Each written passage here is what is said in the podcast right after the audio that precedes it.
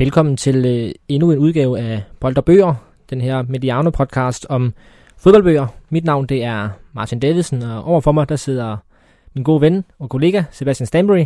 Hej Sebastian, Hej Martin. og velkommen til øh, Fyn. tak for det. Vi optager jo igen her på mit øh, fodboldværelse i en kælder på Fyn.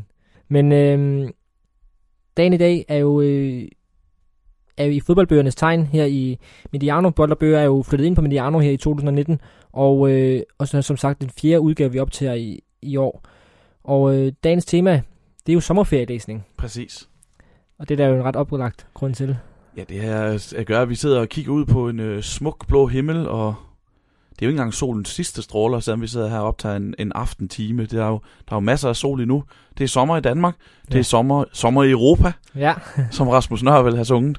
Og øh, der er nok rigtig mange, der står og skal på sommerferie inden længe. Og hvad skal man så have med på ferie? ja det er jo ikke, øh, det er jo, jeg tror vi begge to øh, har det sådan, at øh, når vi skal på ferie, så har vi noget læsestof med. Jeg, jeg, jeg pakker jo en bog per dag. ja, det ved jeg, og det er jo helt vildt. Og du når også at læse en bog per dag, er det ikke sådan? Noget i den stil. Ja, Ja. Og det er bare fordi, jeg har, særligt da jeg var ung, øh, været afsted på ferie, hvor jeg løbet tør for læsestof. og det er det værste, der Og det er traumatiserende. Så jeg måtte, så har jeg læst min lille søsters Aurora-bøger og mormor de syv unger og sådan noget. Altså, det, Ja. Så er det altså bedre at være sikker på, at man har en bog til hver dag. Og så kan du bare læse alt det, man har lyst til. Ja, altså uden rigtigt. der, uden der er risiko for, at man løber tør. Ja, jeg kommer lidt tilbage til det, når vi skal ind på, på kriterier og sådan noget, øh, men jeg er jo øh, i den heldige situation, øh, nogle gange uheldig, at have to børn. Ej, mest heldig. Øh, og det, det, det gør, at, øh, at jeg i hvert fald ikke har pakker en per dag længere. Og øh, det vender jeg lige tilbage til senere. Jeg ved, du også nogle gange har gjort det, at du har pakket en hel masse bøger, og så der du er rejst hen, der du så købt bøger. Ja, og så, altså, der er jo noget, noget charmerende ved at købe en bog i lufthavnen også. Det er ligesom den ja. der spontane ting med, at sådan, ah, der er den ser nu også meget god ud, og så lige tage den med, ikke? Så er vi lige pludselig op på plus en, hvis... Ja. Og så, øh, hvis det er et engelsktalende land, så ved, ved vi begge to, at så skal man også lige forbi en boghandel. Gerne ja. En velsorteret en. Så kan det lige pludselig blive... så kan det blive rigtig mange. Men jeg tror, hvis jeg skal afsted til et engelsk øh, land, hvor jeg ved, at jeg kan gå i en boghandel, Ja. så tager jeg ikke så, så efter jeg lavet lidt plads, og siger, Okay. så er det kun hvad jeg tager fire med til syv dage, eller hvad ved jeg. det, det er sådan, det skal være. Øhm, så vi kommer til, vi har gjort det sådan, vi har, vi har valgt tre, øh, tre anbefalinger til sommerferien hver, øhm, som vi tager på skift. Vi ved ikke, hvad hinanden har valgt. Det er lidt nyt i forhold til, hvad vi plejer at gøre. Der plejer vi ligesom at have et, et ret sådan øh, øh, fasttømret manus. Nu prøver vi at gøre det lidt mere løst i dag, og, øh, men vi har trods alt stadigvæk nogle øh, faste ting på Mm. plakaten. Siden sidst? Ja. Vil du lægge ud? Det kan jeg godt. Du har allerede taget den frem. Uh, jamen, det, det, øh, du må hellere starte med at sige, hvad det er for en, du hiver frem her. Det er Nick Hornbys fodboldfeber. Yes. Fever Pitch, som den hedder. Vi snakkede ellers om, at den her udsendelse ikke skulle vare to timer. Nej, men det behøver den heller ikke at komme til, fordi den her, den har vi jo talt om før i anden regi, dengang vores, øh, vores podcast, podcast var mere autonom, øh, Mm. var det en, vi bare var selv stod for. Øh, der laver vi jo en top 20, øh, og spoiler alert, der ligger den her nummer 1, Nick ja. Hornbys Fever Pitch, som vores bud på den bedste fodboldbog nogensinde. Ja, der er jo stadigvæk nogen, der sådan spørger os, øh, hvad er den bedste bog og sådan noget. Og der, der er jeg jo begyndt bare at linke til, øh, til vores gamle hjemmeside, mm. Mm. boldogboger.wordpress.com, hvor den der top 20 ligger, og hvor der er også et links til de udsendelser her. Jeg tror faktisk også, at, øh, at det øh, website, der hedder øh, idrætshistorie.dk, har links til vores øh, udsendelser. Det har de også, tror jeg. Og øh, det er jo sjovt, du tager den frem, fordi jeg kan huske, at øh, du, lagde, du, du lagde et øh, tweet op omkring... Øh, det kan være, du selv skal fortælle, hvorfor du begyndte at læse den. Ja, men jeg, jeg, jeg plejer at læse den her en gang om året. Ja. Altså det her, det er mit slidte paperback-eksemplar, som jeg købte dengang jeg var, jeg gik i gymnasiet. Jeg kan huske, jeg kan huske, jeg kan huske følelsen af, hvis jeg, jeg havde læst den en, en gang på biblioteket, tror jeg. mm. Mm. Og så var der sådan, at nu beslutter jeg for, at nu, nu skal jeg have den her bog. Jeg kan stadigvæk huske følelsen af at gå ned og tage den af reolen nede i Søndergades boghandel i Vejle. Øh, Og det er den danske version. det er den danske version, Ja. ja. Jeg har faktisk aldrig læst den på engelsk, det Mm. burde man nok gøre. Mm. Mm. Øh, og sidenhen har jeg, det har været i 2003 eller 2004, og sidenhen har jeg minimum læst. Jeg tror, jeg har læst en gang om året, så vi snakker sådan 15 gange eller sådan noget, jeg tro. Og den er jo nem at komme igennem. Det her det er en paperback-udgave, ret lille i format, på 255 sider, Mm. så det er til at klare. Øh, men jeg havde egentlig bestemt mig for, at i år 2019 skulle være året, hvor jeg ikke læste bøger. to gange. Altså, hvis, Ja, jeg, skulle, jeg, læse nye jeg vil bøger. læse nye bøger. Men så var det jo for nylig, at øh, Arsenal, det var 30 års jubilæum for, at Arsenal vandt mesterskabet i det, som jeg kalder den mest, den vildeste titelafslutning i engelsk fodbold 1989. Sidste runde i sæsonen. Arsenal skal møde Liverpool på udebane. Liverpool ligger nummer et, Arsenal ligger nummer to. Liverpool skal vinde, øh, øh undskyld, Arsenal skal vinde med to mål for at blive engelsk mester. Og så i aller, de fører 1-0, øh, Arsenal, og så til aller, aller sidste minut, så bryder Michael Thomas igennem. Jeg, jeg kan citere... Ja, du skal tage den på øh, kommentatoren lige om lidt. Hvad? Du må godt tage den som kommentatoren. A good ball by Dixon. Finding Smith. For Thomas. Charging through the midfield. Thomas! It's up for grabs now! Thomas! Right at the end! Lige præcis. Den er, og det er legendarisk. Øh, Fuldstændig. ja. Øh, Arsenal vinder den her kamp 2-0 på Anfield, bliver engelsk mester. Og det gav jo mig lyst til at læse Fever Pitch, fordi Fever Pitch, for dem der ikke ved det, det har vi ikke engang sagt, hvad den handler om. Det er jo øh, forfatteren Nick Hornby. meget indforstået Ja, start. det er øh. meget indforstået. Fever Pitch er forfatteren Nick Hornbys første, første bog. I kender ham siden han fra High Fidelity og øh, About a Boy. About a Boy, og han har skrevet filmmanuskripter og sådan nogle ting. Hans første bog var Fever Pitch, som handler om hans liv som Arsenal-fan. Mm. Og er en bog om det at være fodboldfan. Den handler om hans liv som Arsenal-fan. Jeg synes, det er en bog, som alle fodboldfans kan læse. Mm. Og, og blive klogere på sig selv og det fænomen, man er en del af. Og bogen er jo blandt andet en, af, en altså, øh, at han bygger frem mod det her. At han i en af de, nogle af de allerførste sæsoner, han, øh, da han er fan, der bliver Arsenal engelsk mester. Og Mm. derefter så bliver det bare en ørkenvandring. Jeg tror, det er 18 år på det her tidspunkt, de ikke har vundet et engelsk mesterskab i 89. Så det her kapitel, som er et af de aller sidste, hedder Mit livs højdepunkt. De, er- altså alle, alle kapitlerne er bygget op omkring kampe. Og øh, da jeg så, jeg tweetede om det her, skrev rigtig meget om den her, den her kamp øh, og jubilæet for den, så satte jeg mig ned og så Fever Pitch filmen, Ja, som jeg aldrig har set før. med Colin Firth, eller hvad det er, han hedder, Ja, i fodrollen. Og ja. Steve Bolt, Ja. øh, nej okay, Steve Bolt, det er ham. Han ligner Steve Bolt, Mark Strong hedder han, Ja. øh, i, øh, som, øh, som, øh, som hans bedste ven. Og, øh, og så var jeg bare sådan, jeg, jeg bliver nødt til at læse bogen igen. Og her, vi, jeg kan lige tage her, hvor han, øh, hvor han bliver, bliver mester. Og det, Nick Hornby, han forventer jo, at det går galt. Ligesom alle fodboldfans forventer ja. Han, at det kommer ikke til at ske det her. Han, han siger, at øh, ja, de, de kommer til at vinde 1-0 på, på Anfield i sidste kamp, og det er bare ikke nok. Og hvilken følelse er det at gå ud med? Kommentatoren, han sidder på tv og siger, øh, øh, hvis Arsenal ikke vinder mesterskabet efter så stor en føring, som de har haft i år, er det i det mindste en poetisk retfærdighed, at de får så godt et resultat på sidste, den sidste spildag, selvom de ikke vandt kampen, sagde David Pleat, der var medkommentator, mens Kevin Richardson blev behandlet for en skade, og Liverpool-tilskuerne allerede var begyndt at fejre sejren. Han ser det nemlig på tv. Han tændte på tv. Han, er ikke, han sidder hjemme i sin lejlighed. Han Ja. er ikke med i på Anfield. Mm. Fordi på det tidspunkt var der ikke nogen, der vidste, at kampen ville blive så vigtig, dengang man skulle købe billetter, mm. Mm. og det er en hverdagsaften, som jeg husker det. Det vil de jo nok opfatte som en ringe trøst, David, sagde Brian Moore. Ja, en rigtig ringe trøst for os alle. Om sider kom Richardson på benene igen, da der var gået 92 minutter, og han nåede til med at takle John Barnes i straffesparksfeltet. Så kastede Lukic bolden ud til Dixon. Dixon sendte den som altid videre til Smith. En flot Smith-finte. Og pludselig, i sæsonens sidste kamp, sidste minut, kom Michael Thomas igennem og var helt alene med en chance til at vinde mesterskabstitlen for Arsenal. Så er det nu eller aldrig, råbte Brian Moore. Men selv der kunne jeg mærke, at jeg lagde bånd på mig selv, belært af de mange nylige bummer der, og jeg tænkte, nå ja, vi var i det mindste tæt på her, her hen mod slutningen, i stedet for at tænke, gør det Michael, gør det nu, spark den i mål, kære Gud, lad ham score. Og så lavede han salmotale, og jeg lå allerede nede på gulvet, mens alle de andre i stuen hoppede oven på mig. 18 års trængsler var glemt i løbet af et sekund. Mm, ja, det er suverænt. Jeg sidder med kuldegysninger nu, Ja. jeg har jeg læst Det den. for 15. gang. Ja, præcis. Ja, men og, og, øh, jeg kan huske, han også skriver efterfølgende, det der med, at, øh, at når, man er, når man er fan af et bestemt hold, så bliver man ligesom defineret ud, det handler meget, må, bogen jo meget om, at man bliver defineret ud fra at være fan af et hold, Mm. mm. øh, hvor han siger, at, at hans telefonsvarbesked, øh, hans telefonsvar var sådan fyldt op af, af folk fra hele England, der ringer ind og, og siger tillykke, fordi de kommer til at tænke på ham. Mm. Fordi de, også folk, der ikke er fodboldinteresserede, de, de ser på nyhederne, at Arsenal er blevet mestre, så kommer de til at tænke på, på ham sådan helt automatisk og, Mm. og lykkeønsker ham. Øhm.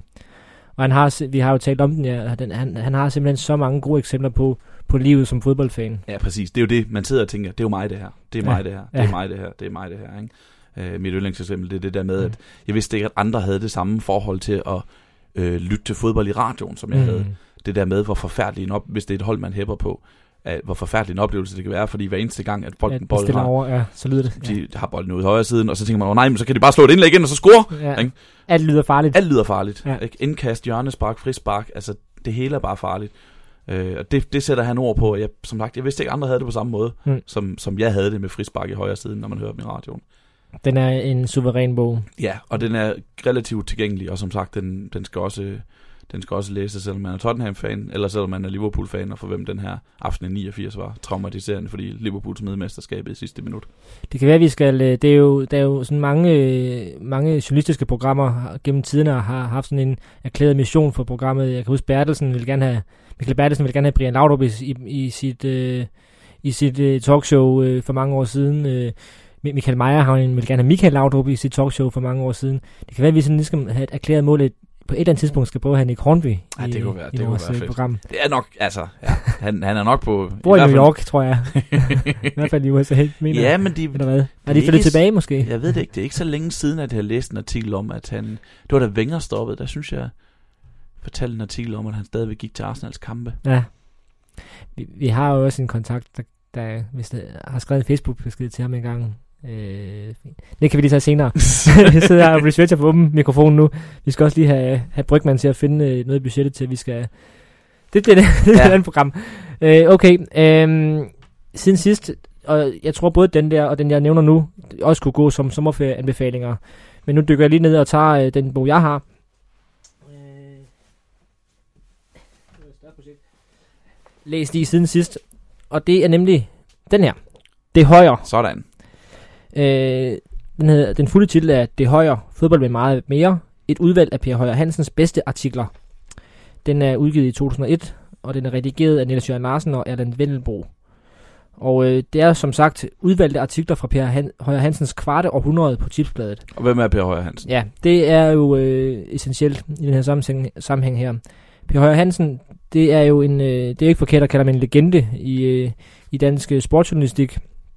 Han var som sagt øh, 25 år øh, på Tipsbladet, har også skrevet for andre medier, men er især kendt for sine øh, sin mange artikler øh, på, på den avis, hvor vi begge to har, har skrevet i, nemlig Tipsbladet. Øh, den er udgivet, som sagt, i 2001, nogle få måneder efter Per Højer Hansens død, og det er den øh, dels for at hylde ham, men også fordi øh, han havde egentlig arbejdet på, på, øh, på en udgivelse med 22 essays, øh, som skulle øh, handle om, øh, om hans oplevelser i, i fodboldens verden. Øh, men han dør så, og så ligesom for at, at, at hylde ham, og i respekt for ham, så, så vælger de her tipsbladet folk så at, at lave en bog, hvor de samler øh, 36 af de bedste Per Højer artikler fra de 20-25 år, som han øh, arbejdede for, for tipsbladet. Og som de skriver, så er det jo både en let og en svær opgave. Let, fordi han lavede så mange gode, og svær, fordi han lavede så mange gode. Mm. at det er svært at vælge en. Han er jo, han er jo sådan en, ja, en, en, øh, en godfather og et, et, et, forbillede for rigtig mange øh, sportsjournalister, fordi han, øh, han havde en helt særlig måde at skrive på, og det kommer jeg også ind på om lidt nogle af de ting, jeg vil læse op. Øh, og det er jo ikke en, en bog på den måde, at, at der er en fra ende til anden øh, handling. Det er som sagt 36 udvalgte artikler, og der er rigtig mange gode blandt. Jeg ved, du også har læst den. Mm. Jeg tror, vi får eksemplaret på samme tidspunkt. Ja, en gang, det- hvor der står, et, der er en reol på, på tipsbladet, hvor der lige står et par stykker tilbage, som har overlevet mm. de der otte år fra, fra den er blevet udgivet, og til vi bliver startet som prakt, i praktik i 2009. Ja, Og så får vi lige tilhusket os en hver, ja. øh, som jeg husker det. Og man burde jo sådan få den, hvis man beslutter sig for at blive sportsjournalist, så burde man egentlig få den stukket i hånden og sige, her er lidt inspiration. Ja, altså jeg, jeg, jeg, det er jo tit, at jeg bladrer i gamle tipsblade, hvor jeg bladrer i vores arkiv. Og jeg støder simpelthen på så mange gode Per Højer artikler, at nogle gange så sidder jeg og tænker, at man burde skrive dem alle sammen altså ind på, og så Digitalt, udgive dem, ja. og så udgive dem. Jeg vil have dem udgivet som bog selvfølgelig, Ja, ja, sådan et eller andet, ja, på den måde, øh, ja. et tiværksbind eller sådan et Ja, eller andet, ikke? ja. Fordi de, sådan en eller anden random fredag i november 1984, så er der en eller anden fremragende artikel fra en rejse, han har været på til Ja. ja. Hongkong, eller Paraguay, eller USA, eller et interview med Joao Avalanche, som er FIFA-præsident, eller Mm. mm. en eller anden bisk, bisk kommentar om uh, DBU. Uh, Præcis. Ja. Ja, og det er jo, jeg kommer ind på det, fordi øh, de, de skriver også her i foråret, Per Højer Hansen var på hjemmebane overalt. Landskampen i parken, VM og EM-slutrunder. den harmløse opvisningskamp i det danske sommerland. Alt sammen var det Per Højer Hansens domæne. Fra de helligste fodboldtempler verden over, til spillets eksotiske afgrov, fra Montevideo til Melby, fra Aarhus til Auckland. Øhm, per Højer Hansen som den store rorgænger på en rejseløsten flåde og bagagen tæt pakket med veloplagthed, viden og indsigt. Og det er jo det, der jeg synes, der kendetegner ham. Det er næsten det hele, men altså han... Øh, det, der, de, de er godt udvalgt dem her, fordi de, de repræsenterer meget af det, han kunne. Øh, han skriver brilliant, det er både lejende og det er levende, og det er detaljetungt. Og så rummer de her artikler, der, der er sådan, jeg, jeg er ligesom delt op i tre kategorier, øh, som, som man blandt andet finder i den bog her. Der er sådan de historiske kampe og interviews. Øh, der er et interview med Hans Jørgen Nielsen, forfatteren til fodboldenglen, som vi har talt om tidligere i det her år her. Der er hans øh, reportage fra Sovjetkampen 4-2 øh, i 1985. Der er selvfølgelig også reportagen fra EM92 og fra fra da Danmark ryger ud ved VM i Mexico. I øvrigt en guddommelig reportage mm. fra hotellet. Øh, der er et Richard Møller Nielsen interview hvor fra, fra, fra Nyborg, lavet Nyborg, hvor vi også sidder nu, hvor Richard Møller jo kommer med det her øh, bøgetræ-citat øh, om Hans Bjerg, og, øh, og svinene, der knupper sig op af det. Øh, der er et reportage fra 3-3-kampen mellem AGF og, og Brøndby, så der er de her historiske kampe, hans bud på det, og det er alle sammen rigtig gode, øh, velbeskrevede reportager. Der er også nogle skæve historier. Han er til en, øh, til en toto kamp der bliver afviklet i, øh, i Melby, i Liseleje, som han har taget op til, som bliver afviklet under landliggerfesten i, i Liseleje. Øh, han er til, øh, til DM i indendørsfodboldfinalen der, øh, som jo er sådan noget øh, halvamatør foretagende. Mm. Og så er der også hans reportage fra, fra da Næstved, de, de taber DM-guld til KB, med den berømte pas på Åbæk øh, reference der, eller råb, som han jo siger. Tom, Torben Storm, ja. Torben Storm, Næstved ja. træner. Så der er mange skæve historier, men, men, men det er alt overskyggende, synes jeg. Det, der ligesom gennemsyrer det hele, det er netop det her, den omstrejfende journalist, som var overalt i verden, som havde hele verden som sin arbejdsplads. Øh. Det var, det var dengang, der var rejsebudgetter til. Det skal jeg bare love for, fordi øh, nu kan jeg, nu, jeg besluttede mig for lige at skrive det op, hvilke lande, der er repræsenteret bare i den bog her. Italien, Tyskland, Frankrig, Mexico, Norge, England, Grækenland, og nu har jeg skrevet byerne her, Salvador, nu bliver min geografi øh, viden øh, udstillet. Nå, men øh, Salvador, Hellevik i Sverige, øh, et afrikansk by, der hedder Ngor, der er USA, der er Uruguay, der er Armenien, og der er Japan. Der er artikler fra alle de lande der, hvor han har været der, øh, og fortalt historier. Øh, det synes jeg er fantastisk, og, og fordi han har blik for den der detalje, han har blik, øh, og man kan se, han, man kan mærke, at han elsker fodbold, og han, han kan se storheden i fodbold, og han kan se, at, at den gode fodboldfortælling øh, findes i hele verden. Og så har han jo været heldig at være på en tid, hvor øh, der var råd, eller i hvert fald blev taget sig råd til at, at rejse ud i verden. Mm. Øhm, det der med, at han elsker fodbold, og han sådan kan se storheden, har jeg lige et eksempel på. Fordi i, øh, i 1982, der tager han til Hamburg for at se en øh, for at se en opvisningskamp. Øh, en velgørenhedskamp, som er Frans Beckenbauers afskedskamp. Og der skriver han øh, der skriver han det her. Hvis Frans Beckenbauer var vemodig ved afslutningen på sin fantastiske fodboldkarriere, så skjulte han det godt. Hvis han var skuffet over de omstændigheder herunder hans officielle afskedskamp, matchen mellem Hamburg, SV og nykårede mestre og Vesttysklands VM-landshold blev afviklet, så lod han sig ikke mærke med det. Er alle eksperter kommet, sagde han med et stort smil, da han akkompagneret af hans fagmanager Günther Netzer kom ind til pressekonferencen på Volkswagen og som en glad dreng tog plads mellem de to cigaretrygende trænere, Schub Derval og Ernst Happel. De forsamlede reporter virkede mere trykket af den ret beset triste stund end hovedpersonen selv. For trist var det jo.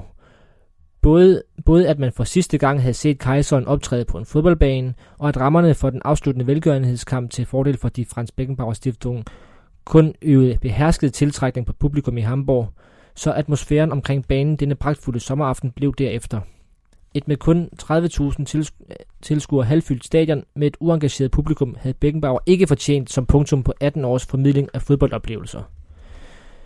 Det er, sådan, det er anslaget på det, og man kan sådan se, man kan mærke, at han er, så ærgerlig over, at der ikke bliver sagt ordentligt farvel til en af de helt store. Alene det, at han bruger ordet trist. Ja. Altså, det, det, så, så, så blotter man også sig selv på en eller anden måde, ikke? Mm, Som, præcis. som, som journalist og som fodboldfan. Ikke? Der, det er jo ikke objektivt, men det skal det heller ikke altid være Præcis. her i den her sag, fordi det, det er på, plads og, på sin plads at stoppe op og anerkende. Det, det er Frans Beckenbauer, der siger farvel, og det betyder noget for Frans, det betyder noget for mig, og det betyder ja. noget for dig, læser. Præcis. De sidste tre linjer i, øh, i underrubrikken lyder sådan her. I halvanden time lod Kaiser Franz sin fænomenale spillekunst og sin fantastiske karriere passere revy, og afskyden synes ikke at tunge ham. Tak for 18 års uforglemmelige oplevelser i fodbold, udråbstegn. Altså det, det er netop en fodboldelsker her, mm. der, der, der har tænkt, det er altså vigtigt, at vi får sagt, at vi som tipsblad, et, et, et fodboldmedie i Danmark, siger farvel til en af spillets helt store. Jeg tager lige til Hamburg og, og skriver om det her. Øhm, så han, han var bare rigtig god, og jeg vil godt lige have, have en, øh, læse en mere ting op. Øh, jeg har egentlig tænkt mig at kalde ham for den danske Jonathan Wilson, for han er også sådan en, der, Jonathan Wilson er også sådan en, der, der er kendt for i dag at, at have hele, op, hele verden som sin arbejdsplads. Øh, har jo også skrevet bøger fra, fra næsten hele verden, øh, Mm. og artikler fra hele verden i hvert fald. Øh, og det gjorde Per Højer Hansen jo også, og han er reportagens mester, synes jeg. Øh, og så har jeg så alligevel valgt et eksempel fra, fra den der næstvedkamp der. Øh, men øh, men det, det var godt skrevet, synes jeg. Og vi starter med, med et citat, som mange kender. Pas på Åbæk, skreg Torben Storm i glasboksen, og det havde Børge Nielsen gjort i hele kampen.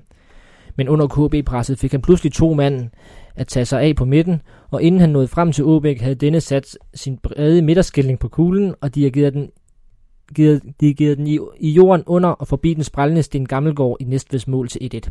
Baronen havde slået til. Åbæk er en mærkelig spiller. De allerfleste divisionsstoppere syd for Åben Rå vil kunne pakke ham sammen, for i sit ranglede løb og flagrende bevægelsesmønster er han ikke nogen indlysende god fodboldspiller. Men han har næse for de pludselige chancer, og spilles han specielt med en smule luft omkring sig som her, er han farlig for alle danske forsvarer. Med sit hovedstød pandede han de søde sydsjællandske drømme om mesterskabet sønder og sammen, hvorefter han tog sig en halv æresrumte op af den sorte Sinders med de knyttede hænder fremstakt i triumf. Langs sidelinjen gik radioreporter Jørgen Mader som en anden José Maria Garcia på en spansk fodboldarena og fangede det hele i den mikrofon, der i fagsproget går under kældenavnet Hestepikken. Storm sank sammen med ansigtet begravet i hænderne, mens Kramer dukkede op fra sin boks som trold af en æske, og KB-tillingerne var ved at råbe tribunen i skred om ørerne på sig selv. Der er bare mange sjove detaljer og, Ja og meget, meget malende og levende sprog. Ja, det må vi sige. Han- Han har nemlig også en grovhed i sig, så lige pludselig Ja. han snakke om he- hestepikke og sådan Ja, noget. Og, der er også en vidunderlig reportage fra et landsholdstur, øh, hvor han også ja, øh, kommer ind på, på noget under bæltestedet og sådan noget, men Ja, det, er- det er den, du tænker på den, hvor de er i Brasilien, og ja, de øh, køber så meget læder, at man skulle tro, de skulle starte en spankingkælder eller sådan noget. Ikke? ja, lige præcis. Men en rigtig god bog fra en rigtig dygtig, øh, eller ja, det er jo så fra en rigtig dygtig journalist, øh, som desværre ikke er her længere. Men det er en, det, det er jo sådan, jeg kan huske, da jeg startede som praktikant på Tipsbladet, at jeg synes, det var sådan en ærefrygt at gå derind, for man kender jo godt øh, Sinan Thune allerede. Jeg har nogle af hans VM-bøgerne stående og sådan noget, og så bliver man præsenteret for de der artikler der, det er jo, det var sådan helt, uh, sikke nogle skuldre at stå på. Mm, Det var det, vi havde læst i siden sidst. det er det. Nu øh, går vi over i det sådan øh, planlagte tema, sommerlæsning, sommerferielæsningen, og vi er jo som sædvanligt en 25 minutter inde i programmet allerede, så, så det der med, at vi kunne holde på en time, det må vi se. Vil du lægge ud? Det kan jeg godt. Øhm, det her, det er, jo, det er jo en opgave, som jeg synes, jeg relativt ofte får, faktisk. Ja. Det her med at sige, øh, jeg skal på ferie. Har du en god bog, du kan anbefale?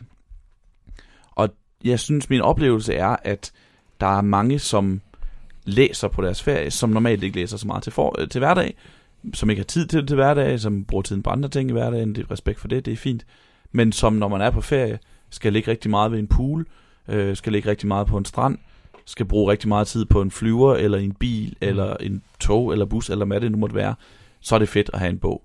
Øh, det hører så ligesom med, særligt på de der strandture, at man har øh, en kold cola og, Ja. og, en, og en paperback i, i tasken. Øh, så det er lidt det, jeg har gået ud fra i, i, i, de kriterier, jeg skulle bruge, når jeg skulle vælge Ja. de her tre bøger.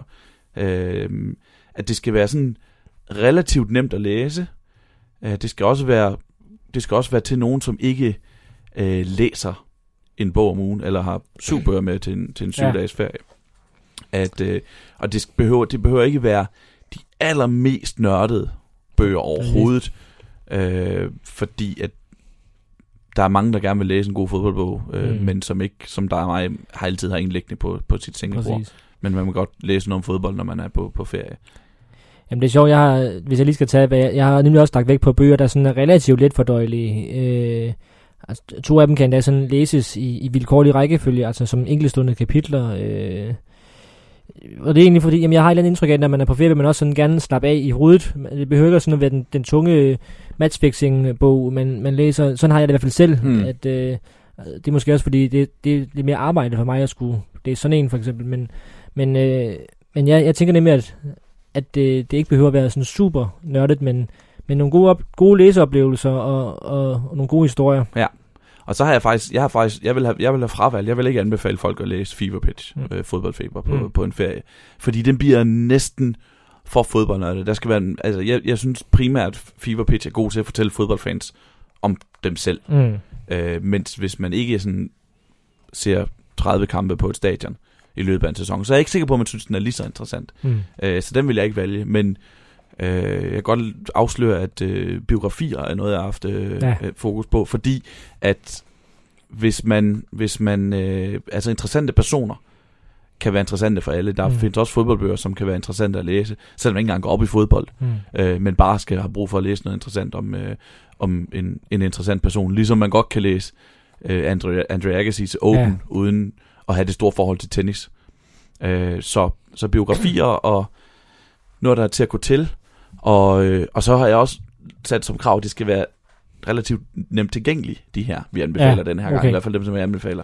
Ja. Ja. Fordi at vi har tidligere snakket om nogen, og så er der, har vi fået henvendelser og sige, hvordan skaffer vi den? Og så er de vanskeligere at skaffe. Altså det er Ja. vanskeligt at skaffe dansk fodbold, øh, den der 3 kilo, 3,8 kilo. Per højere for den sags skyld, Ja, tror jeg. øh, det er højere, ja. de, alle de gamle der, de kan være vanskelige. Så er der sådan noget med antikvarer og sådan Ja. noget. Så jeg har ligesom lagt vægt på, de skal være relativt til, øh, nemt tilgængelige, enten men stadigvæk kan fås online i, i, de, i nogle velassorterede boghandlere, eller at øh, man kan låne på biblioteket simpelthen.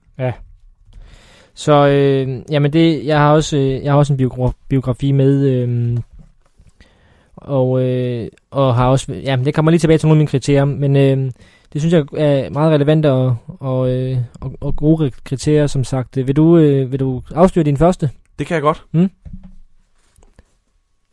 Ja.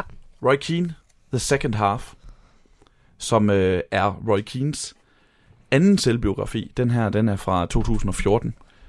Og øh, den er jamen den er bare det, det er bare en god bog, og det, øh, det er kendetegnende for alle dem jeg havde her, at mens jeg har siddet der og forberedt mig lidt og og øh, er gået i gang med sådan at bladre lidt i den for at finde ud af finde nogle gode citater og sådan noget, så har jeg bare fået lyst til at starte forfra fra en ende eller den anden øh, og gå i gang med at læse, hvilket både A tyder på, at det er en god bog, A, B, den er relativt nemt at komme Mm, i gang med og ja. komme ind i, og, og svært at slippe igen, faktisk også. Og, og vi lavede på et tidspunkt en, en episode den her øh, i, i, i vores gamle run øh, af podcast med Morten Brun, Ja. hvor han også anbefalede den her, og den er blevet meget, han nævnte det her med, at den er meget bedre end hans første bi- selvbiografi, som er fra 2002. Og øh, øh, den her er, er det er en meget en, en, en 14 år, eller 12 år ældre øh, Roy Keane, og en væsentligt mere reflekteret Roy Keane, og den starter faktisk med en reference til den gamle øh, re- reference, øh, det starter med reference til den gamle bog, fordi at den den gamle bog, jeg kan huske, det var den, hvor han øh, indrømmede, at han, eller hvor han skrev, at han, at han havde taklet Alfinger Håland med vilje, at han ville gå ind og, og hævne sig for, at han havde ofte havde fat i ham og havde beskyldt ham for at filme i en kamp og sådan noget. Det ender han jo også simpelthen med at komme i, i en, få, altså komme ind i en, en retssag i anførselstegn hos FA, det engelske fodboldforbund med. Og han beskriver, at en, bogen starter med det her møde, han er til. Og, og så starter han, og så skriver han her. It was Eamon Dunphy's turn. Han er, han, han er, det er vidneindkaldelse her. It was Eamon Dunphy's turn. Eamon was, Eamon was my ghostwriter and had uh, come across from Ireland for the hearing to be a witness. He'd already said that he'd used his own words to describe the tackle. Before we were, we went in, I'd be going, I'd be going to say to him, Eamon, if the if they ask you if you think I intentionally went to injure Holland, say no.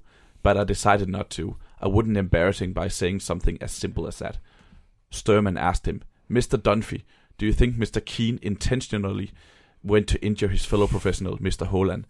And Eamon's, Eamon's three words back to Sturman were, without a doubt. og, og det er det, den her bog er. Det, det, den, er den er sjov. Den er virkelig, virkelig sjov, fordi øh, han, han, han, er, han er bare en fed person, og vi mm. kender ham, hvor han sidder i, i, det der, i de der studier, Ja, eller vi kender ham fra pressekonferencer, hvor han sidder med sit stenansigt, ja. og ser ud som om, at alt, hvad han hører og får af spørgsmål, er det dummeste, han nogensinde har hørt. I den her bog er han virkelig sjov, Ja, og har masser af selvironi, og humor, og fedt. beskriver, hvordan han engang som anfører Manchester United, så var han blandt andet hans opgave at hyre julemænd til en årlig juleafslutning med koner og børn, og så kom han en gang til at hyre en, der havde tatoveringer hen over knorene og sådan noget. altså, øhm, den er bare, den, den, den kan virkelig, virkelig meget, den her. Den, den tager så fat, hvor den anden slap der sådan i starten af nullerne, og så går hele vejen gennem hans, Mm. hans første tid som manager i, i starten af 10'erne. Og der er sådan flere forskellige typer fodboldbiografier. Øh, der er dem, hvor man ligesom har for fornemmelsen, at ghostwriteren bare har spurgt ham om, øh, spurgt øh, interviewpersonen, øh, den person bogen handler om, om nogle berømte episoder, og så fortæller øh, Ja. personen ligesom bare om det, og genfortæller egentlig bare, hvad der er sket, og det vidste vi Mm. godt i forvejen. For, altså, Ja, berømte mål, hvor han bare beskriver målet. Ja, og det har præcis. vi jo set. Ja. Den her gør det andet, den gør det, der er bedre. Tager os tilbage til de der øh, historier, men får reflekteret, hvad var det egentlig, der skete, det. kommer bagpå. Øh, og samtidig så hører man også om nogle af de øh, ting, der ikke er foregået, altså som, Mm.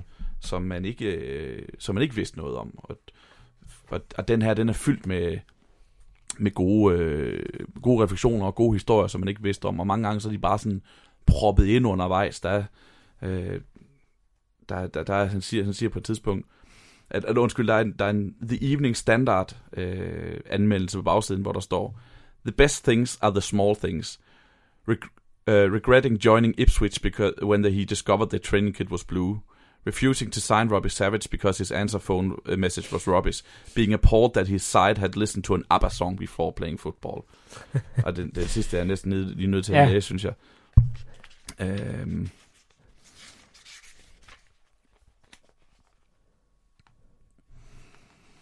I noticed none of the players were taking charge of the music, and this was a concern for me. A member of staff, staff was in charge of it. I was looking at him, thinking, I hope someone nails him here. If I'd been a player and one of the staff was taking control of the music, I'd be going, hey, it's the players' dressing room. The staff have to know their place. The last song that was played before the players went out onto the pitch was Dancing Queen by ABBA. what, what really worried me was that none of the players, nobody, said, get that shit off. I stood back and thought, it's not my place either. I'm learning. We went up 1 0, but we lost 3 1. I don't think it was down to a dancing queen, but after the match, I criticized the players. It was one of the few times that I lost the rag. They had to take responsibility. I told him it was their music. What motivates you? If this is your music. They were going out to play a match, men versus men. Testosterone levels were high. You've got to hit people at pace. Fucking dancing queen. I wouldn't have minded it if it had been one of Ab- ABBA's faster ones. It worried me. I didn't have as many le- leaders as I thought I had. The ABBA fan moved on not long afterwards. det, det, er, det siger meget om Roy Keane, den der anekdote også. Virkelig. E- Dels at han, at han lægger væk det der betydning, og, og sådan, men også bare det, han siger, øh, the staff should know its, øh, its place. Ja.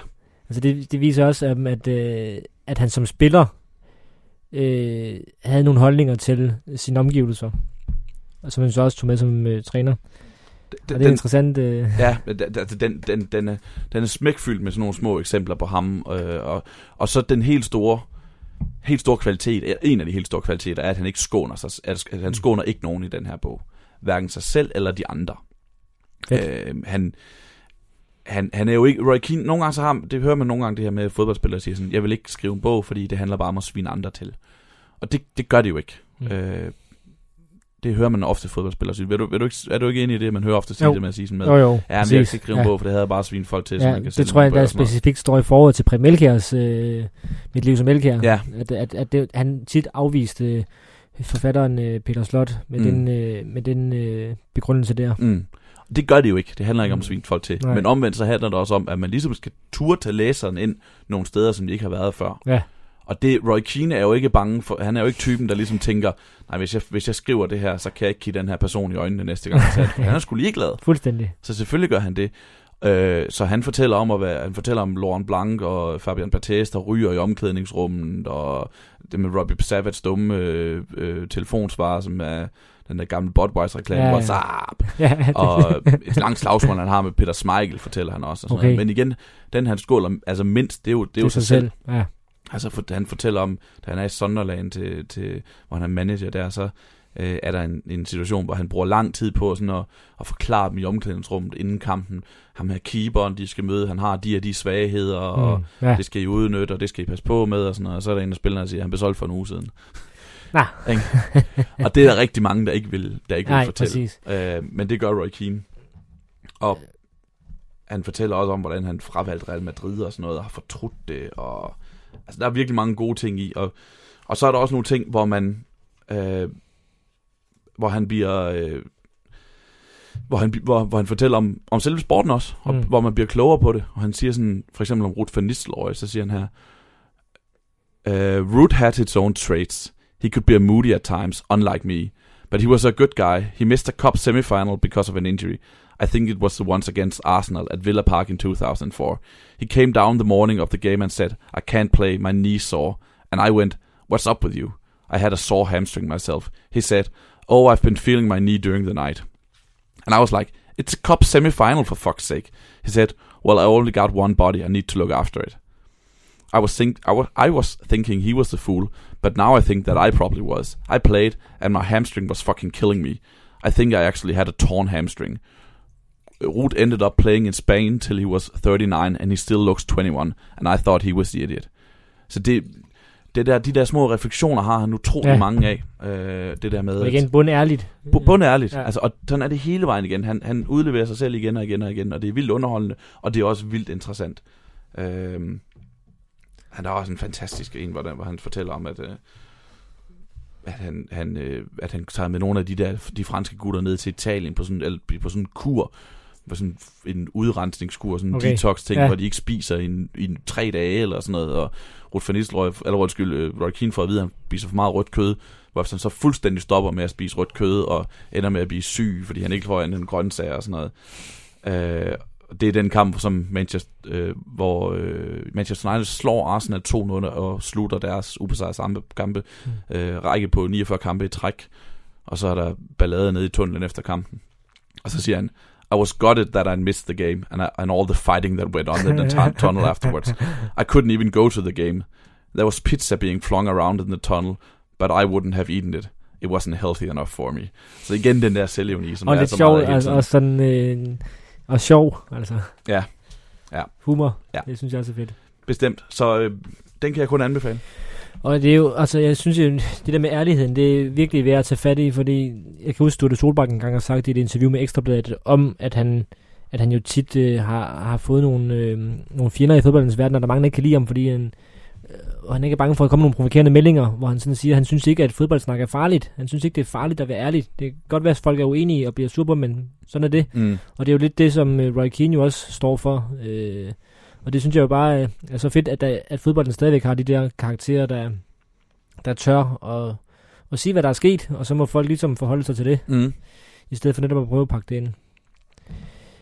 Fed, øh, den øh, kan være, jeg skal låne den på et tidspunkt. Det Øh, synes den jeg, er, er den til, Ellers er den vel til at få fat på, sådan på Den- Amazon. Og så Den er nemlig til at få, den Ja. er ikke så gammel, øh, den er fra 2014 som sagt, og den er til at få online. Jeg købte den selv i, i foråret i, på en af de her ture. Jeg Mm. stod i en lufthavn Ja. og skulle ind i boghandlen, bare der, jeg måtte købe et eller andet, så den her, det har jeg virkelig ikke fortrudt. Den er, den, den er simpelthen så god, den er virkelig, virkelig fed. Fedt. Så skal så vi lige spor, og jeg tager min øh, første bog med. Jeg har, jeg har to danskere og en udenlandsk, kan jeg sige. Og nu der tager den første her, den er, den er skrevet øh, Andreas Krav, Kravl og Lars Hestbæk. Den er udgivet i 2010, og den hedder De gode og de onde. Den kender jeg godt. VM-historien bedste, VM-historiens bedste og værste øjeblikke.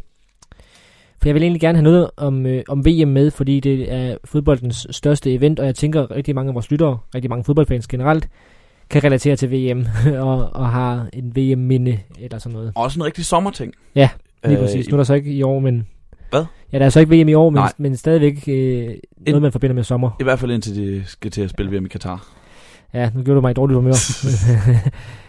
jeg vil også gerne have nogle danske skribenter med, fordi jeg synes, at vi kan noget i Danmark også på den her front her. Øhm, og kort fortalt, så er den her bog, øh, ja, VM-historien fortalt øh, gennem øh, 20 kapitler. Hvert kapitel har et fokuseret, øh, har et fokuspunkt eller en vinkel med udgangspunkt i enten det gode eller det onde ved fodbolden eller dens personer, og dermed titlen også øh, næsten alle slutrunder er repræsenteret. Og det er sådan set mit eneste sådan, kritikpunkt. Øh, 1938 og 1974 er ikke med, og det er især vildt, at der ikke er et kapitel om 74. synes jeg. Fuldstændig. I, når man tænker på Holland, og ja, I har på tidsbladet lavet en, en hel podcast udsendelse kun om VM i Mm. 74. Øhm, Der var også noget med ham, før jeg nævnte Beckenbauer. Ja, lige præcis. Øhm, men det er så, hvad det er. Øh, Til gengæld så er der så tre kapitler om VM 86, og der er to fra VM 90 og to fra 2006. Det er lidt ærgerligt. Jeg kunne godt, det er en detalje, men jeg- jeg ville hellere have haft et strammere koncept med en kapitel fra hver slutrunde. Mm. Det sagt, så er der rigtig mange gode læseoplevelser, og som sagt, så kan man egentlig læse den sådan, øh, som man vil, fordi øh, hvert kapitel kan stå alene et eller andet sted. Det er i virkeligheden 20 artikler, øh, og VM er jo bare det største, øh, synes jeg. Øh, og så kan jeg godt lide, at de har lavet den, det her koncept med at, at sige, der er 10, vi tager 10 gode, positive fortællinger, altså om det lyse, og så 10... Øh, 10 onde fortællinger om, mm. om mørket. Og det, det, det onde kan jo så for eksempel være... Øh, der er for eksempel to kapitler om Zidane, mener jeg. Eller hvad? Maradona, Nej, ja, ja, Maradona. Præcis, Maradona. Der er et, hvor han... Øh, om hans øh, vidunderlige... Øh, hans vidunderlige VM 86, hvor han øh, laver det her solomål og vinder VM alene. Og så er der et kapitel, øh, som foregår otte år senere, hvor han jo b- bliver taget for doping og, og ryger ud af, af VM-slutrunden og får karantæne og alt det her. Øh, det er et eksempel. Øh, et, et, et, et andet ondt kapitel kunne være øh, 1934 Mussolinis VM. Øh, det kunne være øh, 1978 om VM i Argentina, som jo også var med fodboldvold og politisk vold og sådan noget. Øh, på den måde så bliver man også øh, lidt mindet om, at verden har været lave før. altså, når man sidder og tænker og bliver ked af, at der skal være VM i Katar, øh, og det land, hvad det nu gør, at øh, der også har været har været VM-slutrunder. Øh, nu siger jeg noget kontroversielt måske, men, men godsøjne onde steder. øh, Jeg, jeg tror godt, vi kan kalde Italien i 30'erne under Mussolinis øh, fa- fascistiske styre. Vi kan godt kalde det for et ondt sted. Ja, men det, går, det, det giver en eller anden... Øh, det er et eller andet sted rart at blive mindet om, at, at fodbolden er kommet videre før. Altså, man, Mm. før, fodbolden har før været et forkert sted øh, og kommet øh, videre. Fordi de der... Øh, når man sådan læser om, om nogle af de ting der, så kan man jo godt blive ked af det på fodboldens vegne. Det kan man virkelig også i dag, når man læser om nogle artikler. Og det er jo sådan en klassisk... Øh, det er jo en, en, en klassisk... Det er en evig balance, det der med, at, at øh, der var VM i Rusland for, for et år siden. Du var, vi var begge to overdægte.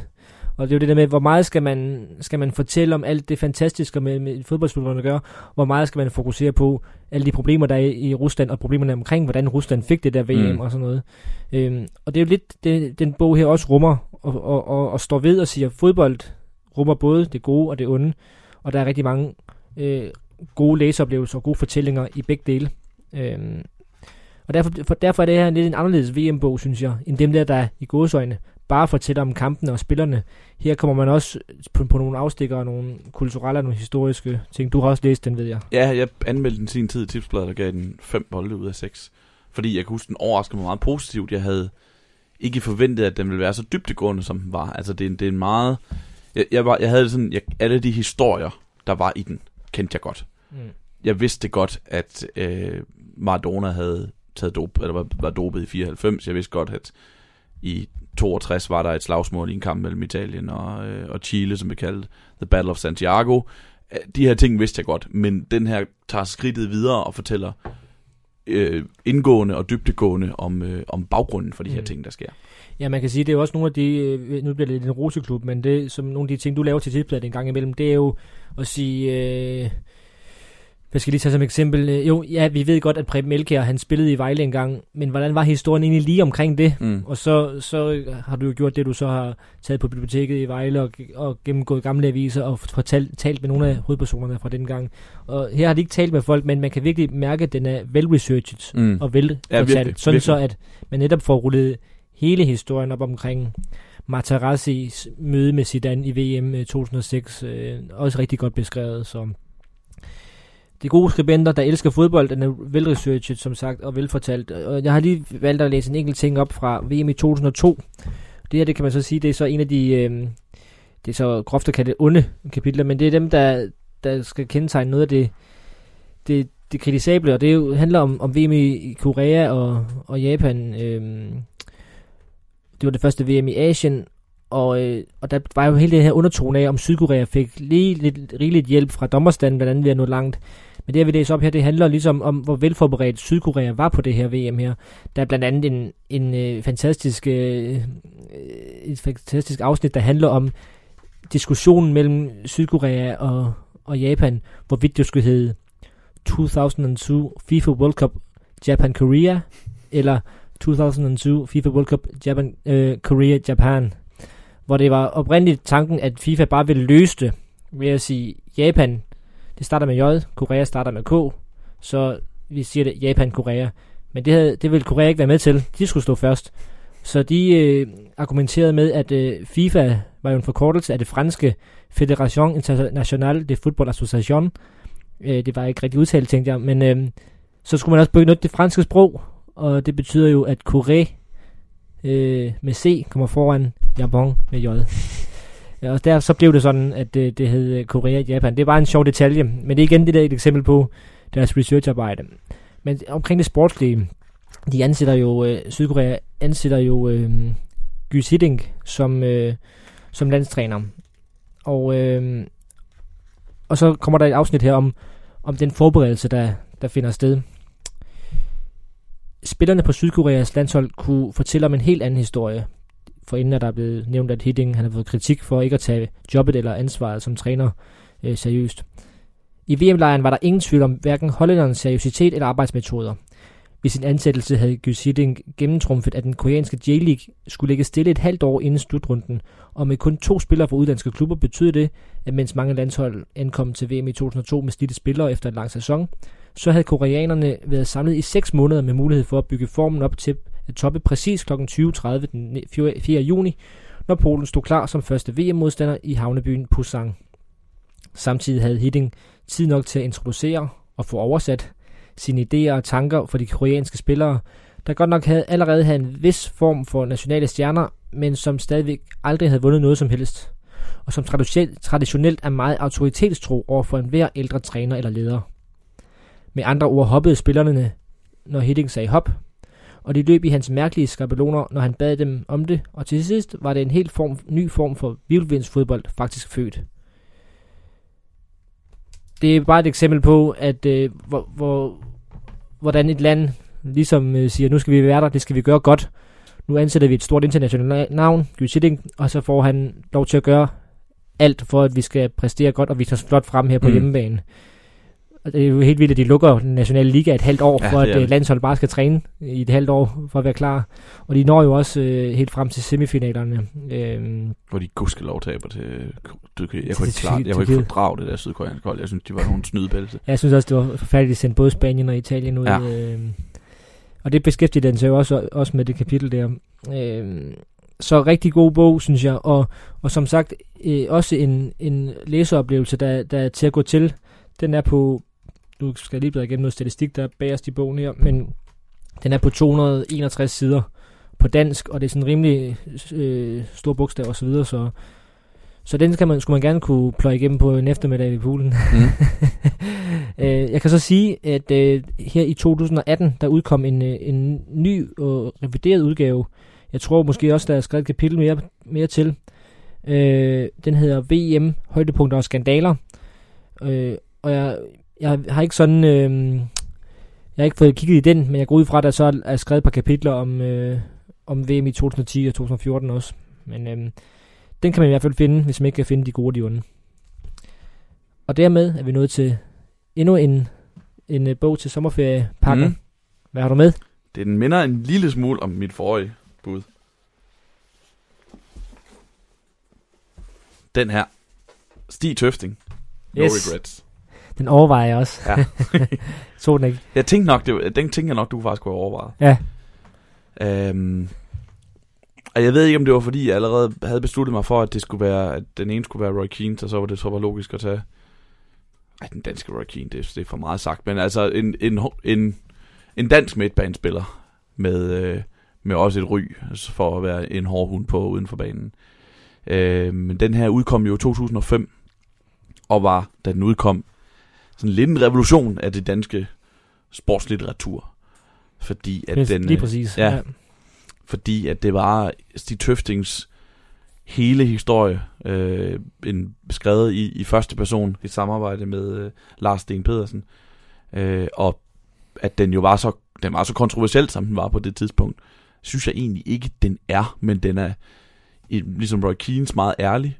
Øh, han lægger ikke fingre imellem, og han, øh, han fortæller om alt, at alt hvad der er foregået øh, undervejs, og, og lidt ligesom Roy Keane er han heller ikke bange for at fortælle om de holdkammerater undervejs, han har han ikke har brudt, brudt sig om. Øh, det, det, det kan jeg rigtig godt lide, at, at, at den har de her ting, øh, at, at den, den, den er ærlig, det skriver de også i foråret, at Stig Tøfting han havde, han havde sagt til Lars Sten Pedersen, ja. den skal være ærlig, og det er den også. Det er den også. Og, og Stig Tøfting har jo været igennem øh, kontroversielle episoder uden for banen, og også tragedier uden for banen, øh, med hans forældre, der er døde for faderens hånd, og, øh, og han havde en søn, der døde af meningitis på, øh, på et tidspunkt, lige inden han selv skulle til i fængsel, øh, fordi han har også nogle voldsdomme og sådan noget, og dem, dem fortæller han bare om. Og det, det fungerer bare. Altså. Han, jeg kan huske også, det, det, er meget, det fik meget omtalt, at han også lagde sin løn frem. Det synes jeg er det mindst kontroversielle i, ja, det er det. i det der. Men, Men han, og det kommer sådan, bare sådan... Ja, det fortæller han bare. Det fortæller han bare. Det er ikke sådan, nu skal I høre her. Bam, bam, bam, jeg tjener så og så meget. Nej. Det står bare sådan, ja. ligesom en hver anden ting. Ja, præcis. Den starter kapitel 1. Jeg vil læse op her. Min 9-årige datter kigger spændt. Äh, min 9-årige datter Mie kigger spændt, mens jeg pakker hendes julegave op. Jeg ved, hun har brugt tid i skolen på at lave gaven. Bettina og jeg fejrer juleaften i vores 2004 i vores hus i Hørning, sammen med vores børn, Nick, Mia og Maria. Min farmor, svigermor og hendes mand er der også. Alle i stuen er opmærksom på, hvordan jeg reagerer på gaven. Det er en flot julekugle med teksten til AGF's nummer 9. Det er trøjenummer, jeg har spillet med det meste af min karriere i klubben. Tak skat, siger jeg til Mia, og hun giver mig et lettet smil. Hun har frygtet, at jeg vil blive sur over, at hun ikke har nået at ændre teksten på kuglen. Undskyld far, jeg kunne ikke vide, at du blev fyret, siger hun. Ja, det... For det første starter, hver eneste kapitel starter med det her, en lille scene, som enten er humoristisk, eller rørende, eller opsigtsvækkende, eller hvad det måtte være. Mm. Den her, den handler jo så om, at det her, hvor øh, bogen udkommer året efter, at øh, Stig Tøfting han er blevet fyret af Erik efter for, en, øh, for, en, for et slagsmål, han har været involveret i til, til en julefrokost mm. med Søren Pedersen. Og, og det, at vi starter på den her måde, hvor man bliver kylet lige ind i, hvordan det kan sætte sin, sit præg på en familie. Ja. At faren, som er en kendt fodboldspiller, bliver fyret, og hvordan børnene skal forholde sig til det. Og Stakkels Mie, hvis største bekymring er, at hun har lavet en julekugle til sin far, hvor der står til AGF's nummer 9, fordi hun er stolt af sin far, der er fodboldspiller og spiller for AGF. Mm. Det, det, det, man kommer bare ind i det lige sådan her. Og det, det er utrolig rørende, og det sætter scenen rigtig godt, og det synes jeg godt, den gør hele vejen igennem bogen. Jeg er fuldstændig enig, og den er jo sådan, øh, man, jeg kan huske, at jeg blev overrasket over, hvor, altså den, man får virkelig indblik i, hvor meget han, han holder af AGF. Altså, at han er virkelig AGF'er. Mm. Mm. Altså, ja, det var lidt overrasket over, i og med, at han jo også har spillet i, i OB og i, i mange udlandske klubber og så videre, så er det virkelig tydeligt, hvor, hvor meget han holder, holder med AGF. Men han, jeg kan huske, han, han skriver på et tidspunkt, hvordan han som, øh, der findes en billede, hvor han kigger som bolddreng, kigger begejstret op af, op på Kim Siler. Han har sådan en passage om, hvor, mm. hvor, hvor imponeret han er af den her Kim Siler, den her hårde hund på ja. AGF's midtbane. Fordi at han for første gang, øh, ja, i den første kamp, Stig Tøfting han var til, så fik han rødt kort for at kaste en bold i hovedet på en modspiller ja. ved et indkast. Det, det var han lidt fascineret af. Ja. Ja, det. Øh, så jeg er enig, den er rigtig god, og, og der er mange gode øh, passager, og skriver jo også, der er en dagbog fra, da han er i fængsel, kan mm. jeg huske, øh, og sådan noget, som Ja, den, den er en ja, epokegørende fodboldbog, det er jeg enig i. Den er ikke, øh, den er også lidt sjov, den her. Altså, han skriver, kapitel 2 starter, min far Paul taler med en kollega ved Aarhus Spor, Store Sporvej og peger stolt på mig. Hold øje med Stig, han bliver en stor fodboldspiller engang. Min far er vist den eneste, der i min barndom tror, at jeg nogensinde ville kunne kalde mig for dansk landsholdsspiller i fodbold. Måske skyldes det, at han ikke havde for fem øre forstand på fodbold. altså, så der er også noget humor i den her. Ja. Og så, øh, det er jo ikke nogen velskrevet bog. Mm. Altså, men den er heller ikke dårlig, men den er utrolig nøgtern skrevet. Mm. Det hele er bare skrevet i sådan et enkelt ja. sprog. Ingen digedar, ingen lium larm. ikke nogen store sprogblomster. Mm. Man kan høre Stig Jeg stemme skulle i lige til at sige det, ja, Ja. ja. lige præcis. Og så er det bare, Stig, Stig Tøfting er jo ikke professionel fodboldspiller, øh, og har ikke været det længe, men øh, han er jo stadigvæk en person, som vi forholder os til i, Ja. i, i fodbold Danmark, som, som øh, klummeskribent i Ekstrabladet. Han sviner jo et Ekstrablad til forskellige gange i løbet af bogen. Det er sjovt. øh, og, øh, og som ekspertkommentator på, på Viasats kanaler. Ja. Øh, så vi forholder os stadigvæk til ham, og den her, det giver bare et indblik i, hvem Stig Tøfting er, og hvordan han er blevet det. Altså det, historien om, om, hans, om hans forældres død er jo, er jo utrolig tragisk. Mm. Øh, men her, her er den, den er også, han sk- forskriver også, hvordan han grædende løber. Det er jo dem, Ja, ja, ham har opdaget dem. Ja, fuldstændig. Og det Øh, er ja, et voldsomt, øh, en voldsom død. Vir- virkelig. Øh, og, og dagen efter, så dagen efter, eller to dage senere, spiller han jo en, øh, en fodboldkamp for et, et, et stævne for AGF, øh, hvor han bliver Ja. kåret som kampens bedste spiller og stævnens bedste spiller, og bliver, bliver, bliver hædret af St- Sepp Mhm. Piontek, som er landstræner på det tidspunkt. Og dagen efter det går han ud og gå med, han ud og gå med aviser på sin rute. Mm. Mm. Så det, det siger jo noget om Stig Tøfting, Ja. at A, hvad det er, han har oplevet i sin barndom, B, hvordan han, hvordan han reagerede på det. Det var, at han selv bestemte, at han skulle ud og spille den der fodboldkamp, og så gik han i øvrigt med aviser dagen efter. Altså, der er ikke noget med at gemme, sig- blive, gemme sig selv ind og lade sig selv blive pakket ind i vat eller sådan noget. Han lever bare videre. Jeg sidder lige med en artikel her fra, øh, det er faktisk fra tipsbladet.dk, øh, den må være nogle år gammel, fordi overskriften er Rooney slået af Tøfting.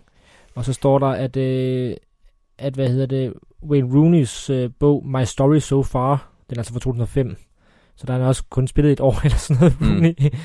Den har så, her står der, kun solgt lidt over 50.000 eksemplarer. Synes jeg lyder helt vildt.